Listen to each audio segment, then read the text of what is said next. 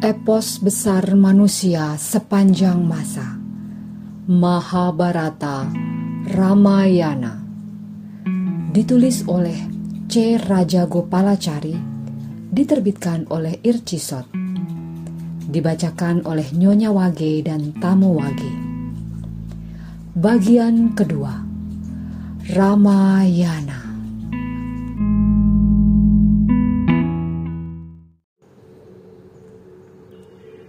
Bab 43 Kematian Subali Hari menjelang sore ketika Sugriwa meraung keras di depan gerbang kota Kiskenda. Ia menantang Subali bertarung. Subali yang waktu itu menikmati istirahat terkejut. Wajahnya berubah pucat. Tapi itu tidak berlangsung lama. Amarahnya seketika menggelegak seperti mau membelah bumi, ia melompat dan menjejak tanah dengan keras. Tara, sang permaisuri sangat khawatir. Ia tahan kepergian suaminya dengan pelukan erat. Ia coba redakan sifat tak sabaran suaminya dengan kata-kata lembut. Tanggalkan amarahmu seperti melepas kalung karangan bunga. Pertarunganmu hari ini sudah cukup. Masih ada hari esok untuk bertarung. Masih ada banyak musuh dan kau tidak kekurangan keberanian. Aku mohon kau tidak bertindak gegabah. Menurutku, kau harus berpikir tenang sebelum menerima tantangan adikmu. Aku khawatir ia telah mempersiapkan rencana tersembunyi. Adikmu telah kalah dan menanggung malu. Ia lari menyelamatkan diri dan bersembunyi. Sekarang, ia kembali dan membuat keributan. Adikmu tidaklah bodoh. Tidak mungkin ia menantangmu kembali begitu saja setelah kau beri pelajaran. Pasti ia beroleh bantuan dan perlindungan dari sekutu kuat yang telah teruji kesaktiannya.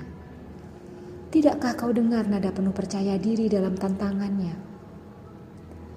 Aku dengar dari Anggada yang mendapatkan informasi dari telik sandi yang bertugas di hutan Dua pangeran gagah berani, Rama dan Lesmana datang dari Ayodhya. Mereka berjanji akan membantu Sugriwa. Yang paling penting, saudaramu itu adalah Wanara yang berbudi dan pemberani. Mengapa mesti memusuhinya? Bukankah di dunia ini ia adalah orang terdekat kita? Ia bisa menjadi pelayan yang paling setia dan sekutu yang kuat. Sebaiknya lupakan kepahitan masa lalu dan berdamai dengan Sugriwa. Suamiku, dengarkan kata-kataku. Subali tidak suka dengan nasihat itu. Amarah telah mengaburkan akal sehatnya. Terjerat dan terseret jaring kematian, Subali tidak bisa lagi berpikir jernih. Ia justru semakin bernafsu melayani tantangan Sugriwa. Sia-sialah kata-kata Tara yang bersinar terang dan cantik seperti namanya Tara berarti bintang. Apa yang kau katakan? Katanya. Apakah aku harus diam saja ketika mendengar tantangan saudara yang berkhianat menjadi musuh itu? Ketika musuh menantang bertarung, apakah seorang prajurit akan diam saja? Kematian akan jauh lebih baik daripada bersikap pengecut. Jangan khawatirkan Rama. Ia tahu Dharma ia adalah pangeran yang dibesarkan dalam didikan takut pada dosa. Oh, biarkan aku pergi. Aku tidak akan bunuh Sugriwa. Aku hanya akan memberi pelajaran yang tak akan terlupakan pada Wanara Pongah itu dan membiarkannya pergi. Biarkan aku menghadapinya. Kau bicara dari hati yang penuh cinta kepadaku. Aku akan buat Sugriwa tunduk di bawah kakiku akan kuusir ia pergi dan kembali membawa kemenangan. Jangan khawatirkan aku. Demikianlah Walmiki menggambarkan Subali bersifat kesatria, berhati murni, tak mengenal kata takut, tak sabaran, serta lembut hati. Memang benar tokoh pahlawan Walmiki harus membunuh Raja Wanara ini. Demikianlah yang dipersyaratkan epik ini.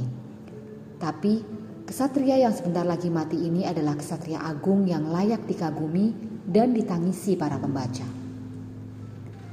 Tara dengan air mata di pipi berjalan mengitari suaminya dan berdoa untuk keselamatannya. Lalu ia kembali ke kamarnya dengan wajah dibungkus kesedihan. Setelah pamit kepada Tara dan para pelayannya, Subali melesat keluar dari benteng seperti ular kobra marah. Ia langsung menghadapi Sugriwa. Melihat Sugriwa berdiri menanti, bersinar terang dan tanpa gentar, Subali segera bersiap dan meloncat menerjang. Sugriwa pun berlari menyambut serangan Subali. Jika masih sayang nyawa, Subali memperingatkan, selamatkan dirimu.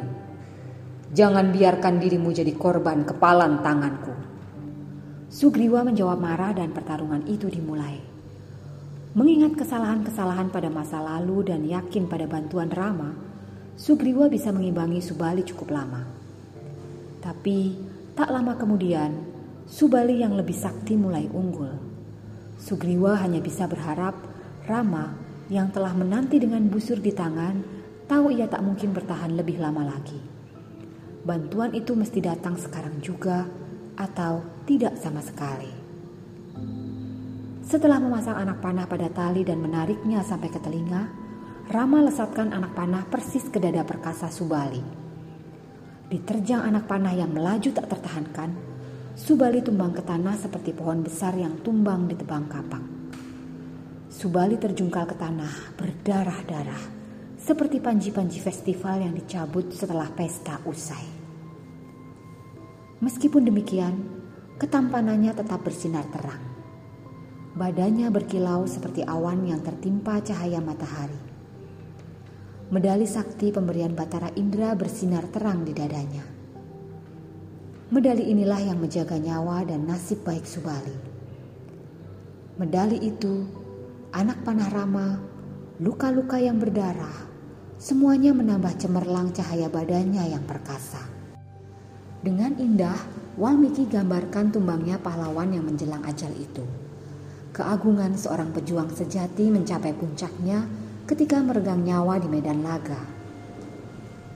Terhenyak oleh serangan dari belakang, ia sama sekali tidak menyangka diserang dari belakang. Subali melihat sekeliling dengan tatapan tak mengerti. Ia melihat Rama dan Lesmana mendekat dengan busur di tangan. Air mata mengalir dari pipi saking marahnya. Dengan suara lemah, ia tuduh mereka melakukan tindakan hianat yang tak termaafkan. Mereka bunuh orang yang sedang bertarung melawan orang lain. Rama, katanya, Kau adalah putra Raja Dasarata. Bagaimana mungkin kau yang terlahir di keluarga mulia dan masyur karena tindakan mulia bisa bertindak seperti ini? Dunia memuji-muji keberanian dan keluhuran budimu. Tapi ketika aku sedang larut dalam pertarungan, tanpa terlihat dan dari belakang, kau lepaskan panah mematikan ke arahku. Nama besar karena keluhuran budi, kebenaran, kekuatan mengendalikan diri ternyata palsu belaka dan tak layak disematkan kepadamu. Sekarang, apa yang akan dikatakan dunia tentangmu? Kau bunuh aku seperti pembunuh bayaran yang bersembunyi di balik pohon. Bagi seorang putra raja, membunuh orang yang tidak berdosa dengan cara seperti ini adalah dosa yang amat besar. Kau sama sekali tak pantas menjadi raja. Dewi Bumi tidak akan pernah berkenan menerimamu ke dalam haribaannya. Kesedihan terbesarku adalah aku tewas di tangan manusia busuk dan berlumur dosa. Jika ingin bertarung denganku, aku pasti melayanimu. Dalam pertarungan yang adil dan bersih, kau pasti akan terbujur berkalang debu sepertiku saat ini. Atau jika ini adalah bantuan untuk mendapatkan cinta kembali, Aku pasti bisa bawa ia kembali kepadamu dalam sehari. Akan kubunuh Rahwana. Akan kuikat lehernya dan kuseret ke hadapanmu di mana pun ia disembunyikan. Aku pasti bisa temukan dan bawa kembali kepadamu. Semua yang dilahirkan pasti akan mati. Itu adalah kepastian alam. Karena itu aku tidak menyesali kematianku. Tapi dosamu tetap tak terampuni karena kau membunuh aku secara curang. Demikianlah Subali, putra Batara Indra, mencela Rama di sela-sela nafas terakhirnya. Dan semua itu dipaparkan dengan amat gamblang, baik oleh Walmiki, pujangga hebat, maupun Kamban. Apa jawaban Rama atas celaan Subali ini? Walmiki menceritakan Rama memberikan jawaban yang bisa memuaskan Subali. Tapi saya hilangkan bagian ini.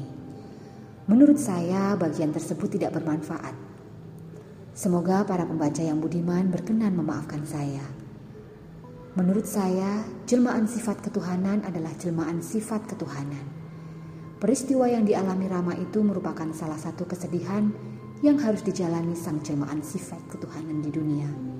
Dengan demikian, kelemahan atau kekurangan menurut kacamata dunia itu pun merupakan bagian dari inkarnasi. Subali yang cedera dan berdarah-darah karena luka di sekujur tubuhnya setelah bertarung dengan Sugriwa terbaring menanti ajal. Tapi ia masih memiliki cukup waktu untuk melihat permaisuri dan putra terkasihnya, Anggada, anak kecil malang yang belum mengerti apa-apa. Atas perintah ibunya, ia bersujud di kaki ayahnya yang semakin lama semakin lemah. Ia amat terpukul dengan kematian ayahnya. Bagian ini akan diceritakan nanti. Dengan susah payah, Subali berkata kepada Rama, Semuanya sudah berakhir. Aku tidak akan menyalahkanmu lagi. Sekarang putraku terkasih Anggada menjadi yatim. Kau dan Sugriwa harus merawatnya. Kupercayakan putraku kepadamu. Rawatlah ia. Kau bertanggung jawab memastikan ia tidak terlantar seperti bunga teratai yang tumbuh layu di kolam yang kering. Katakan kepada Sugriwa, Bukanlah Tara yang membuatku memusuhinya. Mintalah Sugriwa memperlakukan Anggada sebagaimana layaknya seorang pangeran. Perlakukan dia dengan hormat dan penuh kasih sayang. Lakukanlah itu demi aku. Aku tidak menginginkan apa-apa lagi. Para penghuni surga sudah memanggilku. Setelah berkata demikian, Subali menemui ajalnya. Karena kuasa perlindungan medali pemberian Batara Indra, Rama tidak bisa berhadapan langsung dengan Subali dan demikian tidak bisa membunuhnya. Sama seperti para dewa yang tidak bisa membinasakan Rahwana, Rama hanya bisa membunuh Subali ketika ia tidak terlihat. Tapi pertanyaannya adalah, mengapa Subali harus dibunuh? Barangkali jawabannya bisa ditemukan dalam kata-kata Kabanda kepada Rama kata Kabanda ketika berterima kasih setelah dilepaskan dari kutukan. Dengan bantuan Sugriwa, kau akan dapatkan kembali Sinta. Bantuan Sugriwa, bukan Subali.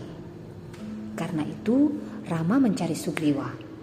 Mereka bertemu dan mengucapkan janji persahabatan di depan api suci. Sugriwa tidak melakukan tindakan tak termaafkan kepada Subali. Tapi Subali dengan kesaktiannya yang luar biasa terus menganiaya adiknya. Mendengar keluh kesah Sugriwa, Rama bersumpah untuk membunuh Subali, mengembalikan istri Sugriwa, dan menobatkannya menjadi raja. Semua itu sebagai bagian dari perjanjian persahabatan. Karena itu, Rama tidak memiliki pilihan lain. Mau tidak mau, Rama harus membunuh Subali dari tempat persembunyian. Rama melakukan kesalahan dengan mengejar Kijang Kencana demi menyenangkan hati istrinya. Akibatnya, ia harus menanggung banyak kesulitan, kesedihan, dan konflik kewajiban. Jika kita renungkan ketika yang ilahi berinkarnasi menjadi makhluk yang lebih rendah dan terbatas, pastilah inkarnasi itu harus menjalani keterbatasan. Dengan demikian, kita tidak boleh rancu. Demikianlah pandangan sederhana saya jika dibandingkan dengan penjelasan lain yang diberikan para saleh.